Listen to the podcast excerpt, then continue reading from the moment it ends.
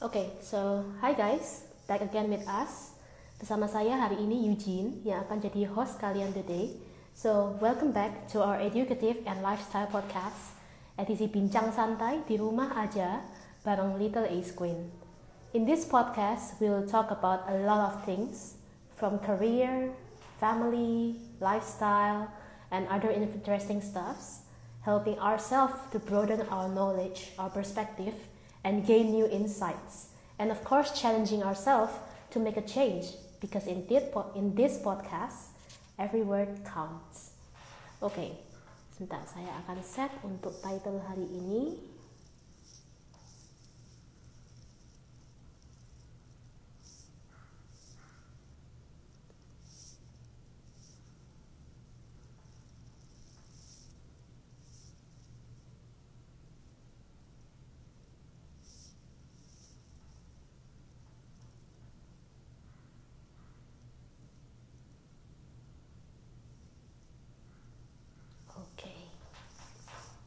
So, buat teman-teman yang mungkin sebelumnya ketinggalan untuk live episode sebelumnya, jangan khawatir, kita udah save semuanya dalam versi podcast. So, teman-teman bisa cari podcast itu di Spotify atau di Google Podcast atau di Apple Podcast. So, go ahead and listen to them.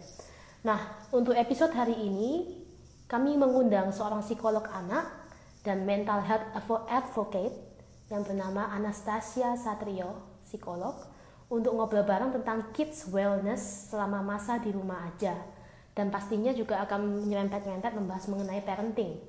So, bagaimana sih membangun kondisi ideal yang mendukung kesehatan mental anak dan keluarga selama masa pandemik ini? Jadi semuanya ngumpul di rumah, gimana sih building a healthy mental health condition within the family? So, nggak lama-lama kita akan undang. Oke. Okay.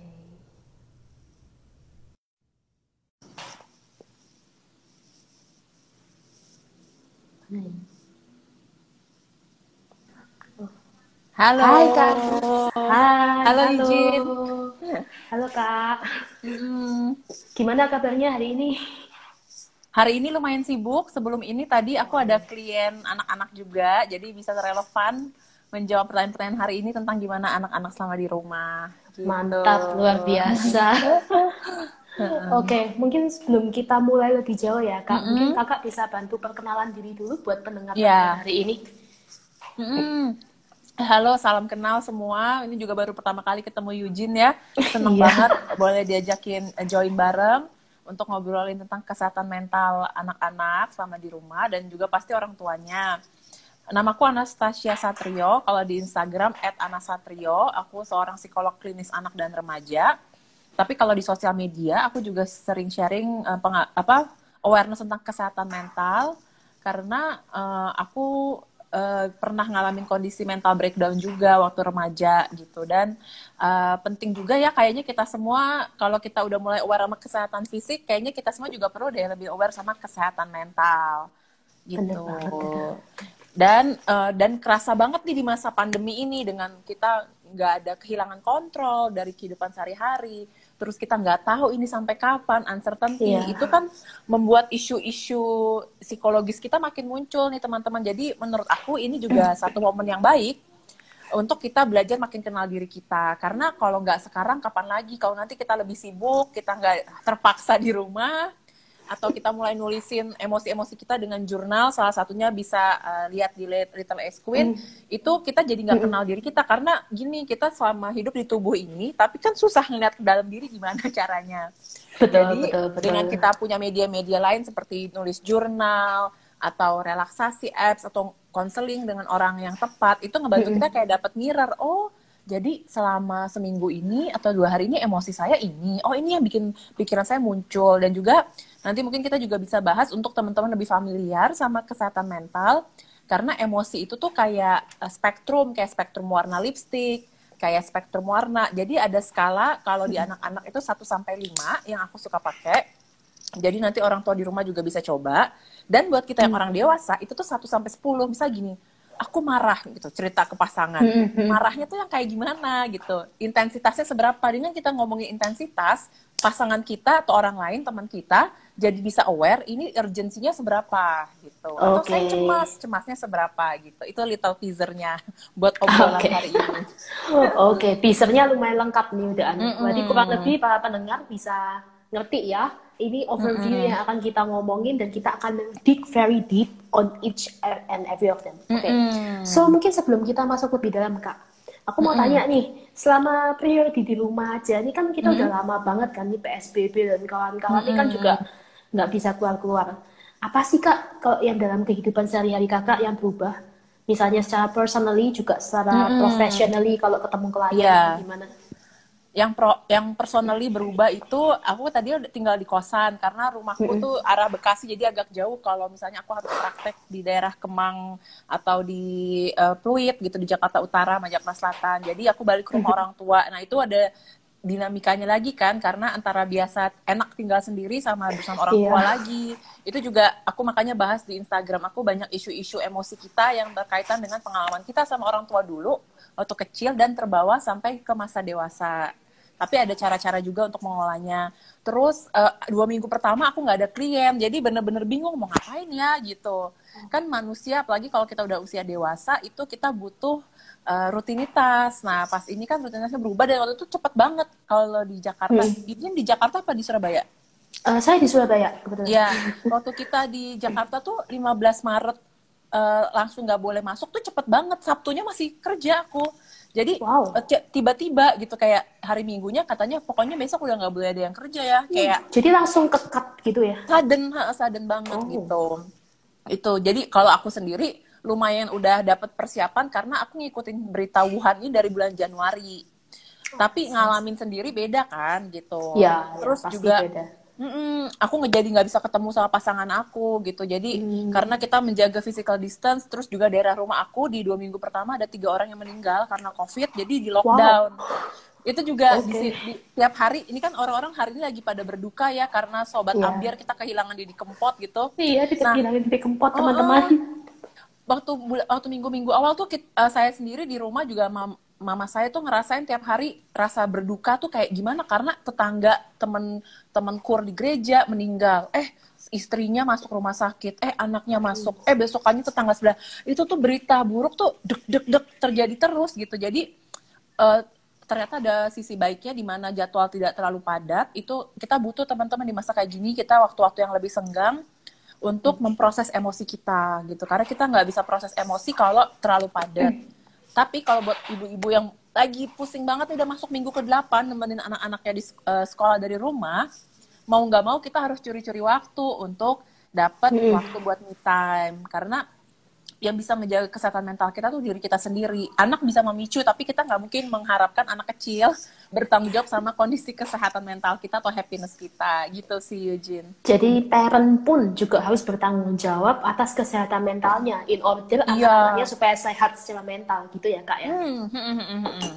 Oke, so mungkin kan tadi kakak mungkin ada pernah tadi ada ngomong kan kalau misalnya di IG juga ada ngadain talk and then bahas bahas konten-konten mengenai mental health, mental issue during this pandemic ya. Nah, Iya. aku mau tanya kak, mungkin dalam masa-masa itu kan ada talk, ada apa, pasti ada orang lihat dong, biasanya parent atau apa gitu. Apa sih kendala-kendala yang dialami sama parent-parent selama masa-masa ini? Iya, nanti mungkin parent standards yang ikutan siang hari ini, sore hari ini juga boleh sharing ya, karena menurut aku dari aku dengerin curhatan mereka pas di sesi konseling maupun yang DM eh, itu bervariasi banget pengalamannya tuh fluktuasi gitu. Gitu juga salah satu awareness penting bahwa memahami emosi itu kayak gelombang teman-teman gitu. Jadi di minggu ke-8 ini udah jenuh. Kemarin kita ada libur tiga hari kan karena ada libur hari tanggal merah hari Jumat. Sabtu Minggu, terus ibu-ibu postingan di Instagram, misalnya juga ada influencer, mam influencer Rad- Raden Prisha bilang kayak, ya ampun seneng banget tiga hari nggak harus ngurusin home learning kayak gitu. Iya, iya. Jadi itu penting banget gitu. Terus juga bahkan ini berlanjut dan roman-romannya nih katanya Mas Nadi Menteri Pendidikan kita, mereka lagi mempersiapkan skema belajar dari rumah sampai Desember kayak oh my god. Yes, yeah, I've heard that. It's really Iya. like, aduh buat mama-mama nih ya terutama kasihan banget nih. Iya gitu. Jadi uh, juga uh, buat ibu-ibu terutama yang juga harus bekerja dari rumah. Jadi sampai yes. ada ada yang aku dengar ceritanya itu dia kayak punya tiga anak, kok anak yang kecilnya masih TK, sampai dia keluar dari sekolah karena dia bilang, aduh ini kayak overwhelmed oh. banget tugas-tugasnya gitu. Dan oh, jadi dikeluarin di dari ada... sekolah gitu gimana? Homeschooling dong? Iya kayak ya udahlah bodoh kayak mungkin mikirnya kayak udahlah anak TK belajarnya juga cuma suruh gunting-gunting kayak bisalah di rumah sendiri gitu. Terus juga misalnya di rumah cuma punya satu laptop, harus home yeah. learning sama harus kerja ada rapat Zoom. Gimana nih? Yeah. Gitu. Terus juga ya pasti kalau kita semua kita pasti terdampak secara ekonomi. Cuman bagaimana kita terdampak secara ekonomi kan beda-beda. Nah, bahkan kan ada level yang kayak mau besok mau makan apa nggak bisa nih atau bingung. Ya. Nah, itu pasti aduh uh, stres banget sih di masa-masa kayak gini. Aku aku inget banget situasi kayak gini mirip waktu aku dulu pas tahun 98 ngalamin krisis moneter tuh. Jadi bener-bener buat makan aja harus ngirit-ngirit. Tadinya bisa makan daging jadi tempe kayak gitu. Jadi situasi kayak gini mirip pernah dialamin kalau buat aku. Jadi kalau untuk makan gitu-gitu kayak uh, ya bisalah cari-cari cara gitu tapi emang untuk mengelola kesehatan mental overthinking aku sempat ngalamin malam-malam susah tidur terus mimpi-mimpi buruk gitu aku sendiri uh, terbantu dengan aku sendiri konseling sebagai klien seminggu sekali gitu selama masa pandemi ini Oh, jadi kakak Karena, sendiri sebagai psikolog hmm. juga harus ada konseling body juga gitu ya? Iya, benar benar benar. Jadi kalau kayak lebih familiar kalau teman-teman familiar sama di gereja gitu kalau ada pendoa hmm. harus punya pendoa lain gitu supaya kita kuat ya. gitu jadi kakak rohani lah ya kita kan ada ya, ada ya, panutan gitu ada yang maksudnya uh -uh. source yang di mana kita bisa cari apa ya hmm. mungkin advisors atau mungkin kalau di in, ngomong rohani kita didoakan dibantu yeah. support secara doa ya kan oke okay. ya yeah. I see. Gitu. Nah, mungkin kalau dari tadi itu saya lagi lihat ada yang apa ya kakak dia bilang mimpi buruk susah tidur nah ini kebetulan sih ada sih anaknya temen dia tuh mm -hmm. dia cerita dia sharing gitu loh um, dia curiga anaknya ini mungkin mengalami stres karena selama mm -hmm. pandemi ini kan ini kan apa um, schedule-nya berubah semua Banget. everything is changed biasanya sekolah mm -hmm. biasanya ketemu temen seneng seneng mm -hmm. sekarang bisa lari-lari mm -hmm. iya rumahnya cuma segitu doang kalau mau lari mm -hmm makanya gitu kan. Nah ini dia kayak ngalamin perubahan behavior gitu. Jadi kayak yang tadi mm salah satunya itu um, jadi makin manja terus jadi mm cranky terus suka mimpi buruk tadi itu. Nah uh. kalau dari sini nih apakah memang benar ini gejala-gejala kalau si anak ini mengalami either stress atau mungkin um, apa ya kayak fase-fase di mana dia sudah mulai bergejolak gitu secara mental. Iya iya iya. Iya, ini juga sekalian kita sharing dan mengedukasi kalau dalam kesehatan mental itu karena tadi spektrum termasuk uh, istilah atau bahasa yang kita gunain juga beragam. Jadi kalau apakah semua anak ngalamin perubahan pasti. Tapi apakah semua anak stres belum tentu gitu. Jadi perubahan sama stres kan gradasinya beda ya intensitasnya. Nah, da, uh, untuk melihat uh, perubahan itu kan butuh adaptasi. Nah, makin kecil usia anak, kita aja yang dewasa kemampuan adaptasi beda-beda ya. Nah, tapi kalau anak-anak, makin kecil usia anak-anak, kemampuan adaptasi dia tuh semakin rendah. Makanya nggak usah pandemi aja ada anak yang misalnya ketinggalan bolpen atau atau nggak pakai pita kesayangannya bisa mencak-mencak marah gitu. itu bukan mau itu bukan maunya dia, bukan kepribadian anaknya, bukan genit atau apa, tapi itu karena perkembangan otaknya memang uh, di usia di bawah tujuh tahun itu kalau kita kebayang bangun rumah cetakan semennya itu atau uh, proses otak anak itu belum jadi, maka dia sangat sulit memahami perubahan. Dia pengennya yang pasti-pasti. Dia pengennya yang kalau udah sukanya ini pakai baju cuci kering pakai, cuci kering pakai yang itu. Iya iya iya. Jadi kalau tapi buat anak-anak memang ada perubahan yang masih wajar, ada perubahan yang kita perlu lebih perhatikan yang mungkin bisa mengarah ke stres. Yaitu hmm. tadi kalau jadi gini kesehatan mental itu teman-teman tuh kayak lagu dangdut Fetty Vera yang sedang-sedang saja.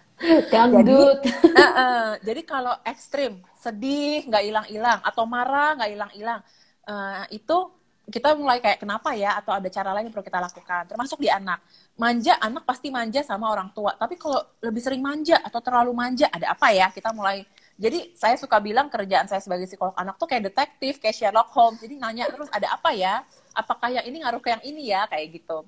Jadi, kayak uh, menelusuri satu-satu gitu ya kak ya? Bener-bener. Tapi kalau untuk manja, hampir semua orang yang saya tanyain selama masa pandemi ini bilang anaknya lebih manja, tapi bukan karena stres itu. Anjaknya anak di masa pandemi ini itu karena mereka seneng banget orang tua yang biasanya kerja di luar ada di rumah terus. Oh. Gitu. Kayak kita kalau kita tuh saya suka bilang otak anak-anak tuh kayak otak bucin atau budak cinta. Kalau di Jakarta lagi familiar istilah itu Eugene, kalau di Surabaya familiar nggak istilah budak cinta? Familiar kok bucin. Iya. iya. Banyak Jadi, banget di sini. Jadi bayangin dong kalau kita yang orang dewasa lagi PDKT terus ada pasangan kita pasti kita pengennya manja-manja. Oh, tolong iya, iya, dong. Iya. Sama anak-anak juga gitu. Anak-anak tuh kayak otak bucin. Jadi ada mamah papahnya di rumah yang sehari-hari biasanya kerja, yang tadinya udah bisa hmm. makan sendiri maunya disuapin, bisa ke kamar mandi sendiri maunya ditemenin. Jadi itu justru tanda bahwa hubungan kedekatan anak sama orang tua tuh baik. Tapi hmm. buat kita yang orang tua kan begah nih kan katanya ibu-ibu tuh happinessnya tuh lima menit di kamar mandi nggak dicariin aja udah bahagia. Kalau enggak sambil di kamar mandi ketokin, mama, mama kapan ya, keluar? Betul mama, tuh. Gitu. Sepupu-sepupu kayak gitu semua tuh. Iya, terus bahkan ada ini ada ibu-ibu yang atau bapak-bapak yang cerita, oke okay, kita kerja di rumah nih, tapi karena mau zoom call segala macam dan supaya mood kita kan mood orang dewasa juga harus dijaga kan, yes. kita pakai baju rapi nih, gitu. Anaknya langsung panik mama papa mau ke mana? Gitu. Jadi penting kita mengkomunikasikan ke anak bahwa dari malam besok tuh mau ngapain uh, dari anak-anak itu belum tahu waktu tapi kalau mereka udah mulai ngerti angka kita bisa pakai namanya teknik disiplin jam dinding teman-teman.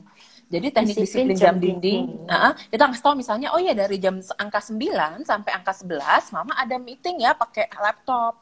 Nanti jam 12 siang kita makan siang bareng. Jadi mereka juga tahu what to expect gitu. Hmm. Tapi kamu kan juga ada home learning kan dari jam misalnya dari jam 8 sampai jam 11 gitu. Nanti kita ketemu lagi di jam 4 gitu. Jadi Dan, membiasakan budaya schedule hmm, ya sama anak ya. Dan diinformasikan. Nah, pentingnya okay. punya jurnal itu adalah gini, kita nggak bisa tiap hari itu sama, bener kan? Kan kebutuhan tiap hari beda-beda. Betul.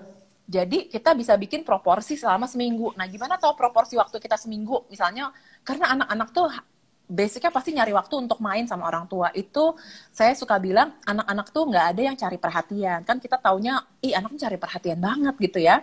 Anak-anak tuh nggak ada yang seeking attention. Anak-anak itu seeking connection. Anak-anak itu cari koneksi sama orang tuanya. Jadi kita sebagai orang dewasa kadang kita lupa dengan kita nulis jurnal kita bisa lihat nih dari Senin sampai Jumat atau Minggu di jam-jam mana sih yang hari mana memang saya lebih padat dari biasanya untuk rapat Nah dari situ kita bisa kasih cerita sama anaknya, eh sorry ya besok Rabu nih eh, mama rapatnya atau ikut kelas workshop sampai jam 3 sore. Tapi hari Kamis mama udah kosongin buat main sama kamu atau malamnya. Nanti abis jam 8 mama nggak pegang gadget, kita bisa main apa pun yang kamu pengen kayak gitu. Jadi apa proporsi-proporsi pengaturan kayak gitu sangat terbantu dengan jurnal atau kita nulis gitu. Sebentar kak, ini ada pertanyaan masuk nih barusan. Mm -hmm. Dari Inong.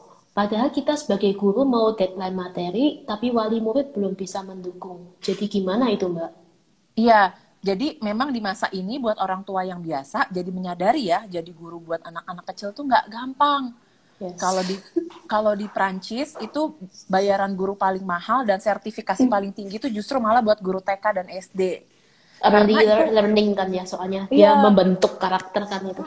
Membentuk learning terus harus paham perkembangan otak anak dan sabarnya kan harus sepanjang jalan tol ya. Nggak bisa cuma sebentar doang. Dan jadi memang satu sisi orang tua overwhelm itu dua hal. Ini aku udah diskusi sama teman-teman di klinik. Yang pertama memang mm. ada perubahan jadwal Uh, dan kita juga punya emosi dan stres juga mikirin keluarga kita gimana, kerjaan gimana, ekonomi gimana. Tapi yang kedua adalah menjadi orang tua itu kita sangat butuh skill, gitu. Salah satu skill yang itu adalah skill mengajar gitu.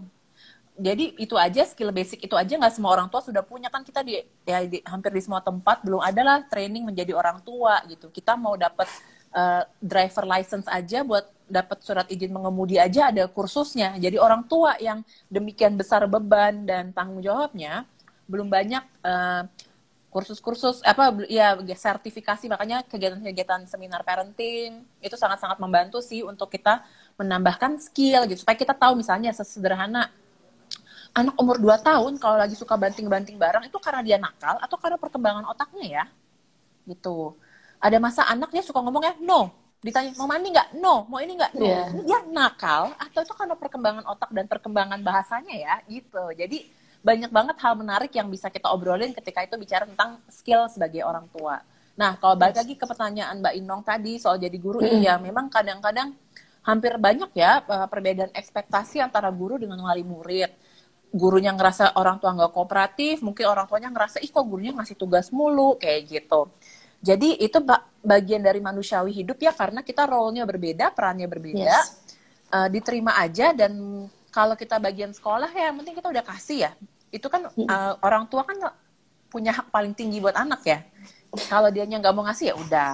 Tapi dari sisi orang tua juga perlu belajar untuk memanage ekspektasi Uh, sekarang tuh lagi mulai booming ini Eugene istilahnya good enough parent. Kita kan Mhm. terindoktrinasi dan kayaknya pengen banget tuh jadi perfect parent, uh, perfect couple, perfect child kayak gitu.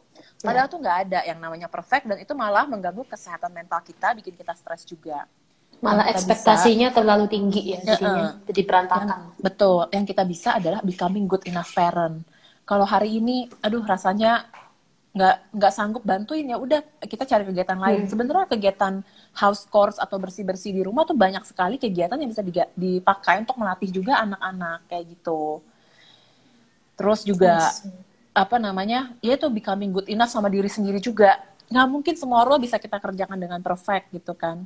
Bahkan ada momen-momen pernah nggak sih ngerasa teman-teman selama masa pandemi ini ada hari bangun tuh nggak pengen ngapa-ngapain atau energinya lebih kurang daripada biasanya? Pernah banget. Sementara kita di kepala gini kan ih harusnya aku produktif ya. Harusnya aku gini ya harusnya. Nah segala yang harusnya itu makin mengganggu kesehatan mental kita. Jadi we have to be being kind to ourselves first. Menjadi teman yang baik buat diri dan termasuk good enough ke diri. Ya udah kalau hari ini energinya cuma cukup kerja tiga jam ya udah kita lanjutin besok. Karena ini kita bukannya kita kan kadang-kadang kalau orang yang belum paham nganggapnya ih kok kayaknya ini ya kayak mental lembek atau kayak ih kok kayaknya nggak berjuang hidup. Bukan begitu teman-teman. Ini energi yang kita butuhin untuk bertahan ini masih energi maraton bukan energi sprinter. Termasuk ngurusin anak tanpa tanpa pandemi aja mindset orang tua untuk mengurus anak tuh kita maraton. Maraton sampai ntar di umur 24 tahun. Itu masa terakhir perkembangan otak anak gitu. Makanya nggak disaranin nikah muda gitu. Karena otaknya aja by design itu baru selesai terbentuk baru matang di umur 24 jadi kita ini napasnya harus panjang gitu. Nah napasnya panjang itu nggak bisa harus perfect tiap hari gitu. Tapi progres. Yang kita hargai progres uh, bilang say thank you ke diri sendiri, say thank you ke anak kita untuk hal small thing lah. Terima kasih hari ini udah taruh makanan di tempatnya. Terima kasih hari ini dari 10 soal mau ngerjain tiga, walaupun kita gemes nih ya. Ih kok nggak Hmm. kerjain semua ya kayak gitu. Tapi uh, anak-anak itu kan tadi dia seeking connection. Jadi Yes. ketika kita bisa terima kasih, appreciate dia, tapi juga nggak usah lebay kayak oh kamu anak paling hebat semuka bumi juga kayak mama lebay gitu lah anak sekarang. Iya, ya anak sekarang mah sudah Ah. bisa bisa ngejekin mamanya. Uh, uh, jadi yang se- secukupnya proporsi- proporsional tapi saya thank you saya thank you ke diri kita ke pasangan ke orang-orang yang bantu di rumah dan ke anak-anak kita. Terus juga bilang I'm sorry kalau kita salah. Dan uh, juga kita belajar memaafkan anak dan memaafkan diri sendiri tiap hari kayak aduh kok hari ini cuma bisa ngerjain segini? Ya ya udah we say sorry to ourselves. Dan besok hari baru lagi gitu. Bener banget tuh. Jadi ingat teman-teman poinnya tadi be kind to ourselves first. Sebelum kita bisa be kind to our children, be kind to our family, our wife, our husband, back again itu semuanya balik dari diri kita sendiri. Kalau diri kitanya sendiri nggak bener, diri kitanya sendiri masih expect yang wah muluk-muluk dari diri sendiri sampai capek sendiri ya sama Iya, aja iya. bohong. Dan ini juga penting ternyata aku sendiri karena aku memproses diri jadi aku bisa relate sama cerita teman-teman. Soalnya ada yang baru bilang, Hmm. "Wah, aku baru join kok." Masalahnya relate banget, tenang. Iya, ini Psikolog nih, itu bukan ada. cenayang, teman-teman. Saya nggak bisa baca teman-teman apa yang di pikirannya gitu. Saya bisa cerita karena saya juga manusia dan mengalami gitu. Yang saya Hmm. juga belajar dan membantu saya ini Eugene adalah menyadari bahwa bahagia yang sehat atau kebahagiaan, happiness itu bukan di skala 10 loh. Bukan yang kayak kalau saya Hmm. punya ini ini ini, kalau anak saya gini-gini, kalau berat badan saya segini, kalau pasangan saya segini, saya baru bahagia. Itu kan kebanyakan mindset kita sebelum kita familiar sama kesehatan mental. Tapi kesehatan kebahagiaan yang sehat secara mental itu adalah bahagia yang cukup. Jadi kalau dari skala 1 sampai 10 bahagia di titik ke skala 5 atau 6 aja. Udah oke. Gitu. Sehingga kita juga ekspektasi hidup kayak hari ini masih bisa bangun masih bisa napas masih punya air putih buat minum makan yang secukupnya I'm happy. I'm enough. Gitu. Itu satu attitude yang eh, yang kita mesti mesti lakuin tiap hari gitu. Ada alasannya kenapa orang-orang bikin gratitude journal mm-hmm. atau bikin uh, pertama 21st day challenge. Karena otak manusia itu butuh repetisi pengulangan mm. buat memahami sesuatu dan ini banyak banget dipakai dalam teknik marketing. Misalnya teman-teman dulu belanja ke Hero ya, atau biasanya. Superindo, lagunya itu lagi, itu lagi. Atau ini deh anak-anak udah tahu goyang Shopee zamannya teman-teman. Iklan gitu. Kenapa okay. lagunya diulang-ulang terus supaya masuk ke otak untuk kita untuk kita melatih diri kita buat bahagia jadi teman-teman juga perlu tahu kalau misalnya, ih kok gue orangnya insecure ya, aku tuh orang kok insecure atau gak pedean, terus aku kok suka mikir yang aneh-aneh.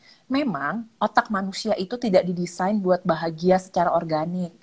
Kenapa? Karena kita ini bagian dari evolusi teman-teman dulu waktu kita hidupnya masih bertemu singa, tiap hari bertemu binatang buas, kita harus ingat yang bahaya, yang negatif, hmm. supaya kita selamat. Ngapain inget, oh jalan mana ya saya ketemu padang rumput, ketemu pisang, tapi saya harus ingat jalan mana hmm. yang saya ketemu singa supaya besok saya nggak dimakan singa gitu. See, nah dalam kesehatan mental bahaya secara fisik sama bahaya secara mental misalnya dulu kita dipanggil sama atasan dipanggil sama dosen itu dangernya rasa rasa takutnya sama gitu. ada was-wasnya sendiri gitu was-wasnya kan, ya? sama iya sehingga hmm. kalau kita tahu otak kita tuh lebih cepat menyerap yang negatif Misalnya kita punya 10 hal atau 8 hal, kita ngobrol di feedback sama atasan atau teman kerja kita 8 hal, dua hal yang negatif, hmm. 6 hal yang positif, pasti ingetnya dua hal negatif. Itu wajar. Itu otak yes. manusia.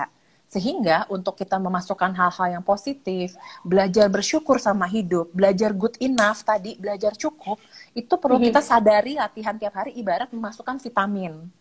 Makanya nulis, itu kan kita dengan sadar kita nulisin. Saya bersyukur akan apa, itu sangat-sangat powerful dan membantu. Oke, kak, kalau gitu kayak mau tanya lagi nih kak. Kalau mm. tadi kan mungkin mungkin ada beberapa pertanyaan di sini udah dijawab sama kakak sih tadi. Mm. Oke, sekarang aku mau tanya nih kak. Kan sekarang ini kan juga pada pada sama-sama sibuk ya. Orang tua sibuk, anak sebenarnya juga sibuk. Dan pasti kayak tadi di masa-masa um, stay at home ini, mm orang tua juga pasti mengequip anak dengan yang namanya teknologi. Iya. Ya.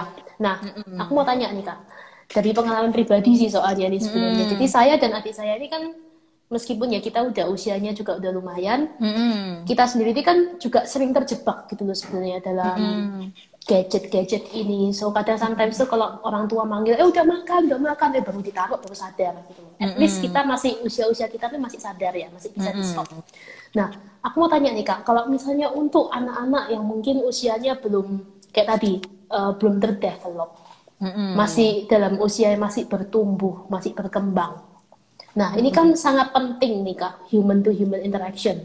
Mm-hmm. Nah di kondisi seperti ini yang notabene sebenarnya serba digital sekarang. Mm-hmm. Terus uh, anggap aja orang tua nggak di rumah, terus interaksinya cuma sama gadget, and then orang tua mm. pulang rumah expect anaknya bisa lepas dari gadget. So how to bridge this gitu loh jadi gimana cara orang tua itu bisa melakukan pendekatan yang oke okay, hmm. sehingga anak juga bisa ngerti gitu loh.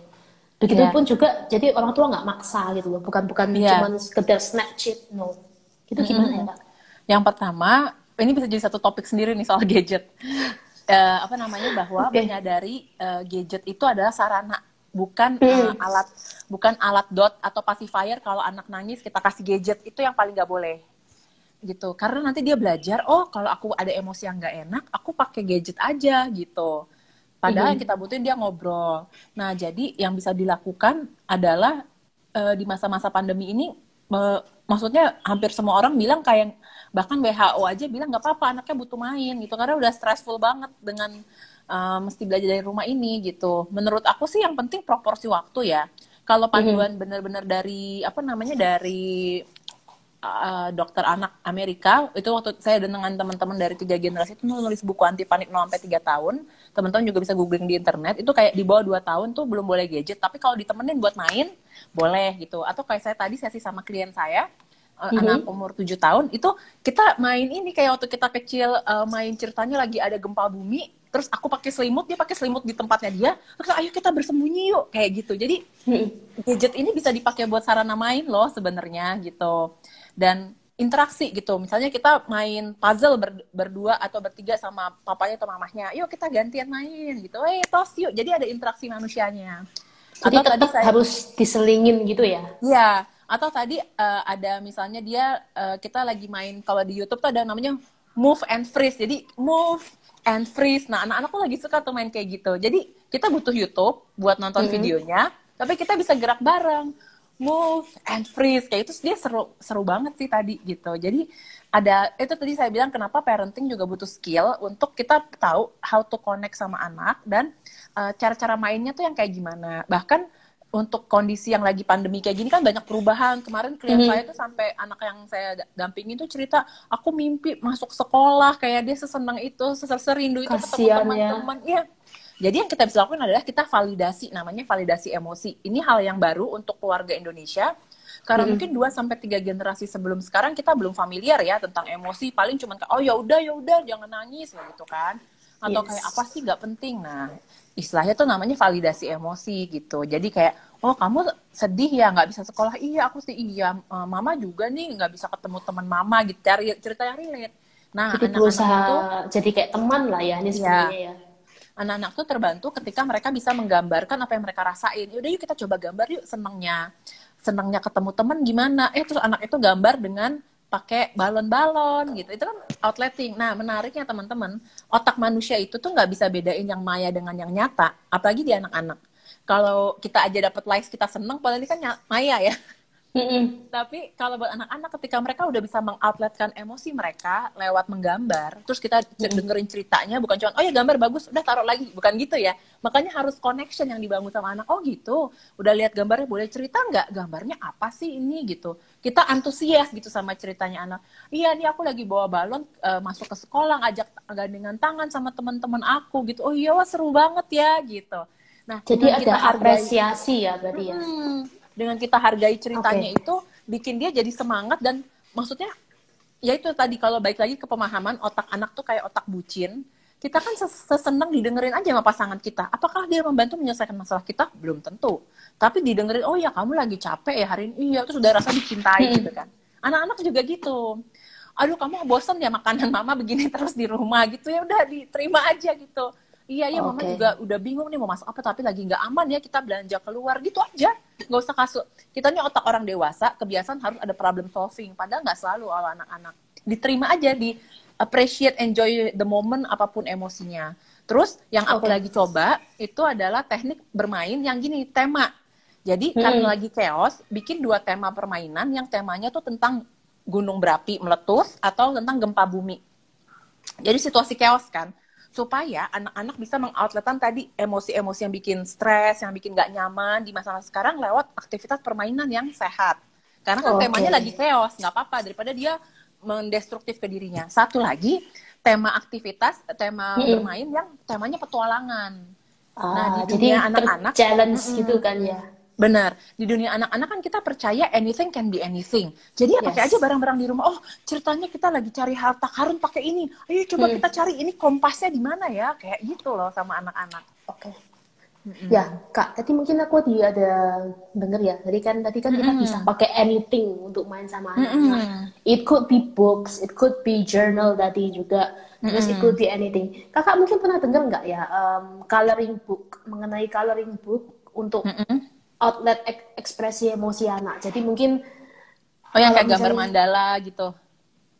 semacam itu, tapi untuk anak-anak.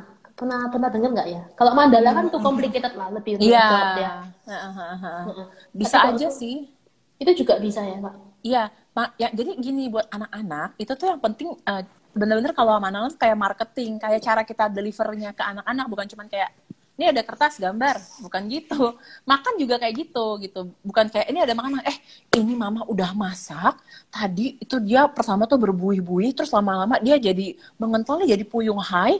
Yuk kita sekarang makan yuk gitu. Jadi harus pakai cerita gitu.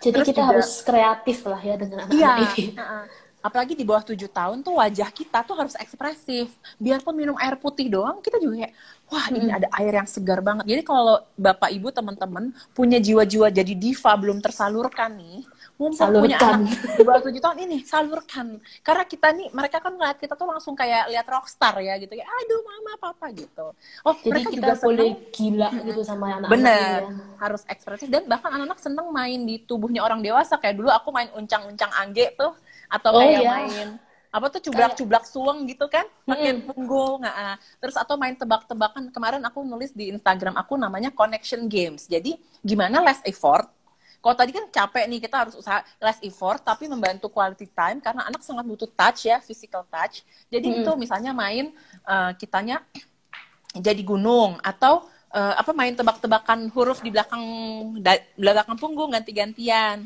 atau yang aku juga tulis tuh aku di rumah adikku mendevelop apa menciptakan permainan namanya siapa cium. Jadi saya kita dengerin lagu atau nggak usah pakai lagu aja nah, nah, nah, jadi patung siapa cium gitu. Terus nanti papa atau mamanya gantian cium dia atau anaknya gantian cium papa mamanya terus kita jadi manusia lagi terus kita nari-nari lagi. Itu bisa diulang 70 kali jangan sedih. Saking anak-anak senang Menarik, menarik. Itu memang, tapi memang benar sih anak-anak ini memang sangat perlu ya untuk di develop motorik hmm. kasarnya. Karena sering kali kita lupa kita sebagai orang tua. Nah, ini pertanyaan lagi kak. Misal hmm. ya kak, kalau tadi kan orang tua itu kan expected to be creative, expected to be like um, ekspresif hmm. dengan anak supaya anak ini juga hmm. paham, supaya ada bonding. Let's say kasusnya gini, uh, orang tua kedua-duanya kerja full time and then anak ini di rumah sendirian terus pulang orang tua udah capek mm -mm. so dalam kondisi yang mungkin very pressured very mm -hmm. stress very sangat capek yeah. lah pokoknya itu gimana caranya untuk bisa tetap cater untuk anak ini tapi juga baik juga untuk diri sendiri itu Ya, yang pertama adalah kita sebagai orang dewasa harus self care diri kita sendiri kita perlu hmm. belajar cara-cara mengelola kesehatan mental kita ada macam-macam lah misal dan yang membantu kita nih teman-teman kalau tadi ya pertama kesehatan mental kayak lagu dangdut Vera yang sedang-sedang saja yang kedua kita itu perlu banyakin jurus menambah jurus-jurus kayak film kungfu panda buat meng mengolah kesalahan mental kita. Misalnya ada ada yang ibu-ibu yang oh saya suka nonton drama Korea nih The World of Marriage gitu kan. Oke. Okay, selain, selain nonton film Korea, apalagi? Oh saya suka uh, pakai masker. Oke, okay, selain itu apa lagi? Oh saya relaksasi napas. Oh oke, okay, selain itu apa lagi? Olahraga. Oh saya nulis jurnal. Oh saya ngobrol sama teman saya. Oh saya butuh konseling. Itu mm -hmm. macam makin banyak variasi jurus-jurus kita mengelola kesehatan mental, makin kita banyak pilihan dan nggak stuck cuman oh saya mah kalau lagi sedih harus makan coklat gitu. Nggak hanya cuman satu tapi caranya banyak gitu. Dan dan nggak apa-apa juga kalau butuh makan tapi jangan cuman itu gitu. Itu pesennya yang kedua adalah ketika kita ini mindset lagi. Mindset hmm. menjadi orang tua anak nggak minta dilahirin teman-teman. Jadi kalau kita sudah punya anak kita yang bertanggung jawab sama mereka. Sehingga secapek apa pun anak-anak itu kalau kita capek sebenarnya hanya butuh 15 sampai 30 menit quality time kayak gini undivided interaction kita main atau dengerin bacain sebelum tidur, kadeling-kadeling terus cium, tanyain e, hari ini yang kamu senang apa. Kadang-kadang nih kita orang dewasa ke anak-anak nanya kayak satpam, gimana hari ini? Bagus nggak di sekolah? Nakal gak? gitu terus. Nah, kita balikin lagi pakai empati. Kalau kita punya temen yang 30 hari dalam sebulan, nanyanya sama terus, apa kita nggak bosen? gitu. Anak-anak juga sama. Makanya kita yang variasi, eh, hari ini, misalnya kalau zaman masih sekolah ya, hari ini teman kamu yang bawa makanan yang seru siapa? Gitu. Bukan cuma nanya pelajarannya apa hari ini? Bisa nggak ulangannya? Kayak gitu. Dan anak-anak itu sangat peka banget sama intonasi suara. Jadi mau nggak mau kita latihan. Gitu. Cara intonasi suara yang ngomong aku juga nggak bisa tiba-tiba kayak gini. Ini latihan bertahun-tahun hmm. sampai bisa memainin naik turunin suara gitu. Dan uh, apa namanya itu tadi 30 menit aja bermain bersama. Nanti pas hari Sabtu Minggu kita quality time. Dan quality time sama anak tuh nggak harus dengan mainan mahal loh kayak gitu. Kadang-kadang kita guilty feeling nih aduh udah nggak ada waktu udahlah beli mainan yang 2 juta 3 juta. Yang anak-anak butuhin itu connection gitu. Dulu aja zaman aku kecil hmm. uh, mungkin teman-teman juga ngalamin ya main pakai kardus bekas tapi seru banget dijadiin rumah-rumahan iya. pakai memorable gitu ya. Iya pakai kulit jeruk Bali. Memorable kenapa? Karena yang buat kulit jeruk Bali jadi mainan itu ayah aku. Jadi inget gitu. Makanya pernah nih saya nanya, Bu, anaknya suka main layangan nggak bu suka sama siapa sama supir bu ibu sedih nggak bu nanti kalau dia udah gede ditanya dia lebih inget main sama supir nih bu daripada sama bapaknya iya juga ya bu gitu gitu dan ini yeah. kan aku juga nanganin hmm. orang tua orang tua yang usaha yang bekerja sendiri gitu ya jadi mau nggak mau kan semua bebannya berat gitu ya. Yeah. Ketika kita biasa dengan istilah investasi, oh seberapa project ini investasinya berapa nilainya gitu ya. Hmm. Nah kita coba pikirin, anak kita itu investasi berapa nilai harganya gitu. Kalau buat project 200 juta aja kita bisa keliling dunia, bisa nyamperin kliennya, kasih full service. Buat anak ini, klien paling penting dan diamanahkan Tuhan, kita mau usaha seberapa banyak gitu. This is the biggest investation of life gitu. Ya ini mindset yang bagus teman-teman. Jadi anak, mm -hmm. jadi bener-bener ya harus siap dulu kalau mau punya anak, kalau mau menikah, mm -hmm. harus bener-bener bertanggung punya jawab. Anak, uh -uh. Karena punya anak tidak seindah postingan Gempi di Instagram. iya, ngelihatnya lucu, gedeinnya uh -uh. itu yang bingung entah. Iya, kalau lagi nggak mau makan, kalau lagi susah tidur, gitu. Kak, ini di atas katanya ada pertanyaan nih. Kak oh, iya? mau tanya bagaimana menghandle anak yang intensitas makannya tinggi banget. Kalau dilarang malah nangis dan marah. Soalnya takut hmm. banget karena ini karena anak ini baru mau umur 6 tahun dan perempuan. Oh iya, nah, nah ini salah satu isu yang bisa dikonselingin sama psikolog dewasa karena kita butuh tadi walaupun kerjaan saya seperti detektif, tapi ini informasinya harus ditambahin. Misalnya waktu kecil riwayat minum susu asinya gimana atau susu formulanya, mulai makan makanan tambahan seperti apa, apa jenis makanannya, terus yang sekarang juga uh, makanan yang dimakan apa aja karena kalau terlalu banyak gula, terlalu banyak hmm. susu itu juga nggak sehat kayak gitu, terus juga makanan itu sangat terkait dengan emosi. Ini juga saya lagi belajar sama namanya ada Ibu Debbie Jane Marie yang ahli naturopatik bahwa uh, makan itu kan tergantung kebiasaan kita di keluarga gitu ya. ya. Kalau saya sih ngalamin juga di keluarga Chinese tuh apa-apa suruhnya makan. Sedih ya. makan, senang makan. Nah, itu kan pengajaran konsep yang salah ya tentang emosi gitu. Jadi kita emosional itu yang pas gede gitu kan.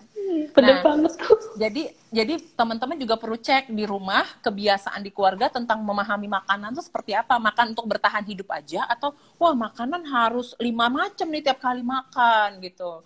Atau kalau sedih langsung disuruh makan atau ada ada isu emosi yang lain. Karena buat anak-anak makan itu adalah simbolisme dari rasa cinta apakah ini juga bentuk kompensasi dia terhadap uh, kurangnya rasa cinta yang connection tadi ya hmm. connection tadi kurang ya udah saya makan aja deh gitu atau memang ada masalah uh, appetite atau nafsu makan yang itu butuh dibantu sama dokter perkembangan anak atau dokter spesialis anak gitu. Jadi memang kerjaan sebagai psikolog anak ini selalu kolaborasi sama bidang-bidang ilmu yang lain. Soalnya kan ngurusin manusia kompleks ya, nggak kayak bikin yeah. meja gampang. Iya, maksudnya banyak cabangnya ya, jadi kita ya, harus paham banyak juga. Oke, okay, guys, ini berarti diingat ya guys, selama di rumah guys makan diatur guys, jadi jangan makan yang aneh-aneh, makan yang healthy guys, ngefek itu ke emosional. Mm -mm. Oke kak, kita lanjut lagi nih. Nah, mm ini ada artikel sih yang kapan hari sempat saya baca, ini saya mm ambil cuplikannya nih. Mm -mm. Journaling encourage young children to take control of the reading and writing experience by mm. allowing them to become active rather than passive participants in the process. Nah, mm-hmm. ini kan poinnya ini mengatakan journaling itu bagus untuk perkembangan mm. emosional baik anak ibu. Nah, tanggapannya Kak Anas tadi ini gimana dalam statement ini? Iya, uh, journaling membantu. Jadi segala hal tentang manusia itu itu harus ada 5W 1H-nya, maksudnya usianya berapa, kapan, di mana. segala hal bisa jadi baik atau segala hal bisa jadi buruk tergantung konteksnya. Jadi kalau untuk anak-anak, misalnya dia udah bisa nulis gitu ya, mungkin umur 3 4 SD, dari klien aku umur 9 tahun, kayak ada yang isunya dia anaknya jadi umur 9 tahun kecemasannya udah tinggi. Terus emosi Oh, bisa ya? Kan, dari 9 tahun kecemasan tinggi itu itu ada I mean, genetiknya jadi oh, kita belum paham bahwa okay. emosi masalah emosi itu kayak asma itu ada genetik yang maka harus paham gitu. I see, I see. Nah aku sendiri juga datang dari keluarga dengan kecemasan tinggi, jadi aku udah belajar memproses dan membantu diriku sendiri juga. Jadi aku suka sharing. Nah di anak umur 9 tahun atau hampir kita semua manusia dewasa juga, emosi ini kan abstrak. Dia yes. energy in motion, energi kayak hukum energi kalau teman-teman belajar fisika atau teknik dulu, hukum energi itu energi nggak dapat di dihilangkan tapi berubah bentuk gitu. Betul. Jadi kita butuh cari outlet-outlet tadi buat menyalurkan emosi kita dengan cara yang sehat gitu. Maka kalau buat anak kecil kita bilang, iya marah boleh, sedih boleh, tapi tangan kaki nggak gerak gitu. Maka itu kalau kita walk the talk, kita sebagai orang dewasa juga semarah-marahnya anak tidak pukul gitu. I see, I see. Jadi itu berhubungannya ke sana ya. Iya, dan uh, juga anak-anak itu kan sensitif banget sama ancaman-ancaman. Jadi kalau di Jakarta nih aku masih suka ketemu orang tua orang tua yang ngancem anaknya kamu kalau nggak gini mama taruh panti asuhan ya gitu. Kamu kalau masih kayak ada gini, ya yang kayak mama gitu? tinggalin ya. Hmm, nah itu bayangin otak anak seperti otak bucin teman-teman. Kalau teman-teman dibilang sama gebetannya walaupun gebetannya masih hidup saya udah bosen sama kamu saya mau tinggalin kamu. Kira-kira rasanya bagaimana? Hati terpotek bukan? Terus nggak bisa tidur nggak bisa makan. Nah anak-anak juga sama apalagi yang ngomong orang tuanya gitu. Kadang-kadang masih ada orang tua yang mikir oh kalau sama orang tua tuh harus dikerasin. Kalau nggak gimana dia bisa tough sama kekerasan dunia kalau sama orang tua nggak biasa dikerasin? Kebalik kalau dia merasa aman sama orang tua dia bisa menghadapi dunia karena dia punya safety place kayak punya sarang oh apa pun yang ada di dunia saya balik ke rumah rasanya tenang rasanya aman rasanya saya dicintai kayak gitu jadi Iya. mindsetnya harus diubah kayak kalian mungkin ke investasi kalian punya tabungan yang cukup gitu kalian akan lebih Iya. berani.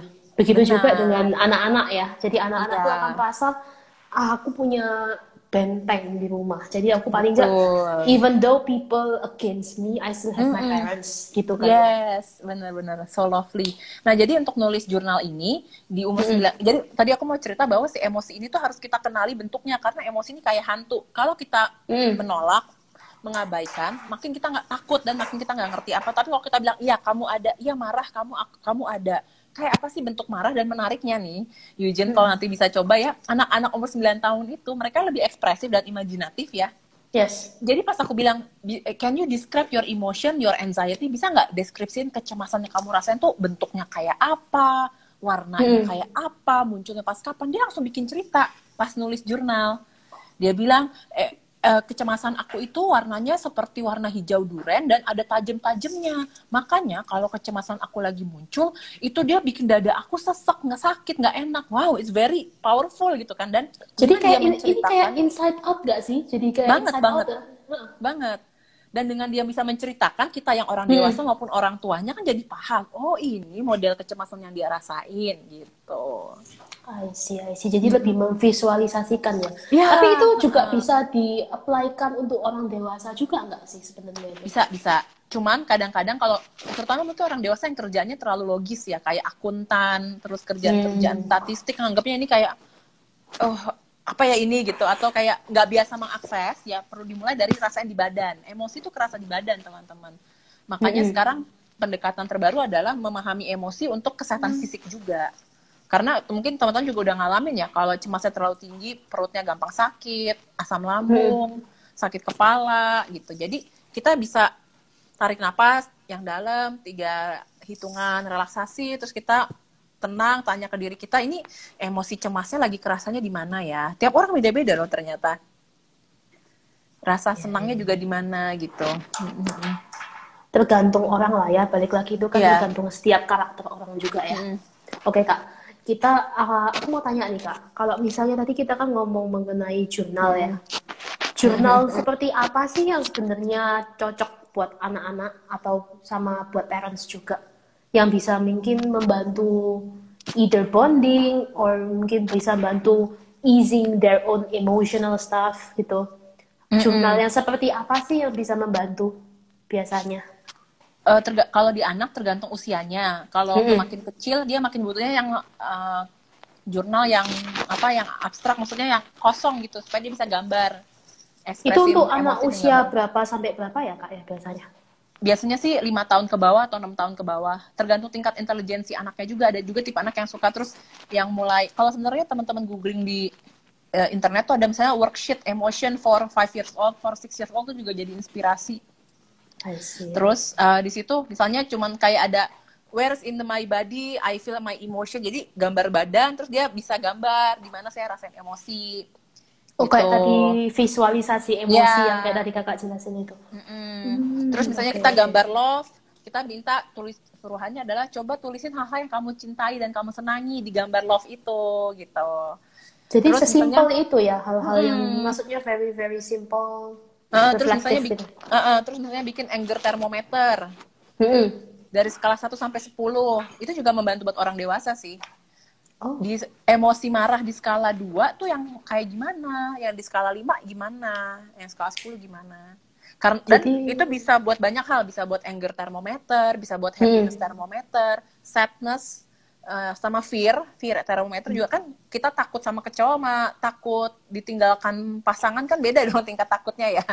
Iya. Nah, itu dengan dengan empat emosi penting dan emosi dasar kayak film Inside Out ini kita pakai, Mm-mm. itu kita dapat insight lagi refleksi lagi adalah tentang diri kita karena apa yang kita senengin yang bikin kita sedih yang bikin kita takut yang bikin kita marah itu mendeskripsikan kita tuh tipe orang yang seperti apa maksudnya bukan cuma tipe orang baik buruk ya tapi oh misalnya buat aku aku senang banget kalau sharing kayak gini mengajar sehingga buat aku teaching is my is my personality is my happiness kayak gitu Oke. Hmm. Ini Kak, sebentar aku tadi ada question masuk cuman nggak kelihatan. Bentar. Bagaimana tahu emosi itu genetik atau karena keadaan? Oh iya, jadi kalau nah itu yang aku bilang kenapa penting teman-teman kita belajar eh, tentang parenting skill dan knowledge tentang perkembangan emosi anak maupun perkembangan emosi manusia. Sehingga Hmm. kita tahu ada emosi wajar dialami di usia tertentu. Misalnya usia tiga tahun itu dia wajar takut sama eh, tempat gelap. Umur tiga tahun dia wajar takut sama eh, badut gitu atau dengar suara keras. Tapi kalau sampai umur 7 tahun di atau 8 tahun dia masih takut yang sama kayak gitu atau dia takut sendiri ada apa ya gitu pertanyaan pertamanya. Dan untuk tahu itu genetik biasanya ya gitu butuh ngobrol sama mental health profesional untuk kita cari tahu eh, di keluarga itu kalau lagi paling gampang kalau lagi kumpul keluarga deh kita tuh tipe Hmm. keluarga yang mengekspresikan atau memaknai sedih kayak gimana memaknai senang kayak gimana gitu Jadi dari habitnya orang tua yang diturunkan Mm-mm. dari orang tua sendiri ya itu juga harus Iya. dipelajari dari sana ya. Iya, dan penyakit-penyakit fisik yang menyertai. Kalau yang aku ceritain yang gampang karena aku ngalamin ya, misalnya kecemasan. Wajar nggak Mm-mm. orang cemas? Wajar. Tapi misalnya aku cemasnya sampai tiap kali mau besoknya ujian, hari ini nggak bisa tidur. Dan itu sering banget kejadian. Itu kan melebihi kewajaran kan. Mungkin orang baru Mm-mm. takut kayak gitu pas UN gitu loh. Yang eh, gede-gedenya. Terus misalnya em, di tante tante tante aku tuh kalau misalnya mau masuk ke bandara harus lima jam sebelumnya. Orang lain kan mungkin dua jam sebelumnya. Ekstrim. Makanya aku bilang memahami mindset kesehatan mental yang tengah-tengah, yang sedang-sedang aja itu penting untuk kita tahu mana yang terlalu ekstrim. Atau misalnya kalau yang aku juga amati di keluarga Chinese itu terlalu gampang parno. Jadi Iya. mana yang level amannya nih aman wajar atau ini kayak ini kok nggak wajar banget ya level parnonya gitu. Dan itu kan kita terbentuk dari genetik maupun pengalaman dulu orang tua kakek nenek kita yang mereka nggak belum olah sehingga itu nurun ke kita baik secara DNA-nya maupun habit kita juga gitu. See, Terus sih kalau ngobrolin bagian itu juga karena emosi itu kayak tadi kayak hantu. Do- kalau kita udah recognize oh iya ya di keluarga saya ada kecemasan tinggi. Eh, gimana ya saya supaya punya cara mengolah kecemasan lebih baik? Itu kayak Hmm. ibaratnya kayak buka Microsoft Word, kita langsung save as yang baru. Jadi kita langsung mengubah, kita nggak kayak orang tua kita. Apalagi kita melakukan cara-cara healing, kita sering nulis jurnal emosi kita, makin aware sama ya, ya. emosi-emosi kita. Wah, itu perubahannya sangat signifikan dan kita bisa membantu anak cucu kita punya emosi yang lebih sehat daripada kita. Oke, oke. Ini ada pertanyaan lagi nih, Kak. Kakak, kalau Mm-mm. boleh tahu prakteknya di mana ya? Oh iya, selama pandemi ini aku masih praktek online di @3 Mm-mm. generasi. Teman-teman bisa lihat di Instagram, itu ada nomor konseling online. Eh, terus mi- minta ketemu sama aku, sama Anas, atau di perhati.id gitu. Artinya Kan dari tiga gen perhati. perhati.id ya. Jadi at tiga Oke. generasi atau at perhati.id. Itu guys, bisa dicari di sana kalau misalnya butuh mau ngobrol-ngobrol. Iya, aku Oke. tulis deh di sini. Boleh, boleh. Mm-mm. Biar teman-teman juga bisa lihat di sini. Nah, Kak, mungkin ini lebih ke summarize ke tadi mungkin Kakak udah ada jelasin ya. Mhm. Ini ada pertanyaannya kayak gini. Cara membuat anak bahagia itu kan beda-beda ya. Tiap Mm-mm. orang kan juga ada karakteristik tersendiri. Mhm. Baik itu untuk parentsnya, baik itu untuk anak-anaknya kan pasti juga unik semua gitu. Nggak ada yang kayak ada patokannya sama persis gitu gimana. Hmm. Nah, tapi ada prinsip dasar apa yang memang harus dipegang oleh para orang tua untuk diterapkan pada anak-anak ini? Dan mungkin prinsip-prinsip itu mungkin ada yang berbeda-beda di umur berapa usia-usia berapa. Ada nggak kak mungkin kalau dari kakak gimana? Memang kalau sesi sharing kayak gini kan masih umum ya teman-teman. Makanya kalau untuk dapat yang tailor made kayak kita but- bisa pakai baju pabrikan nih XML. Tapi kalau kita mau pakai baju yang benar-benar sesuai sama kita ke desainer gitulah kasarnya. Iya harus ke penjahit gitu kan ya Iya, sesi psikolog juga kayak gitu. Kalau yang ini yang umum. Jadi yang secara umum adalah kalau kita pengen membuat anak kita bahagia, yang pertama adalah kita harus membahagiakan diri kita sendiri dulu. Dan kesehatan mental itu kayak kalau kita naik pesawat turbulence, masker oksigen tuh harus kita dulu pakai. Baru kita bisa bantu anak. Jadi kita kan juga, misalnya mindset tradisional orang tua Asia zaman dulu ya, oh saya harus berkorban gila-gilaan nih demi anak saya. Nggak apa-apa deh saya menderita, yang penting anak saya bahagia. Oh nggak bisa.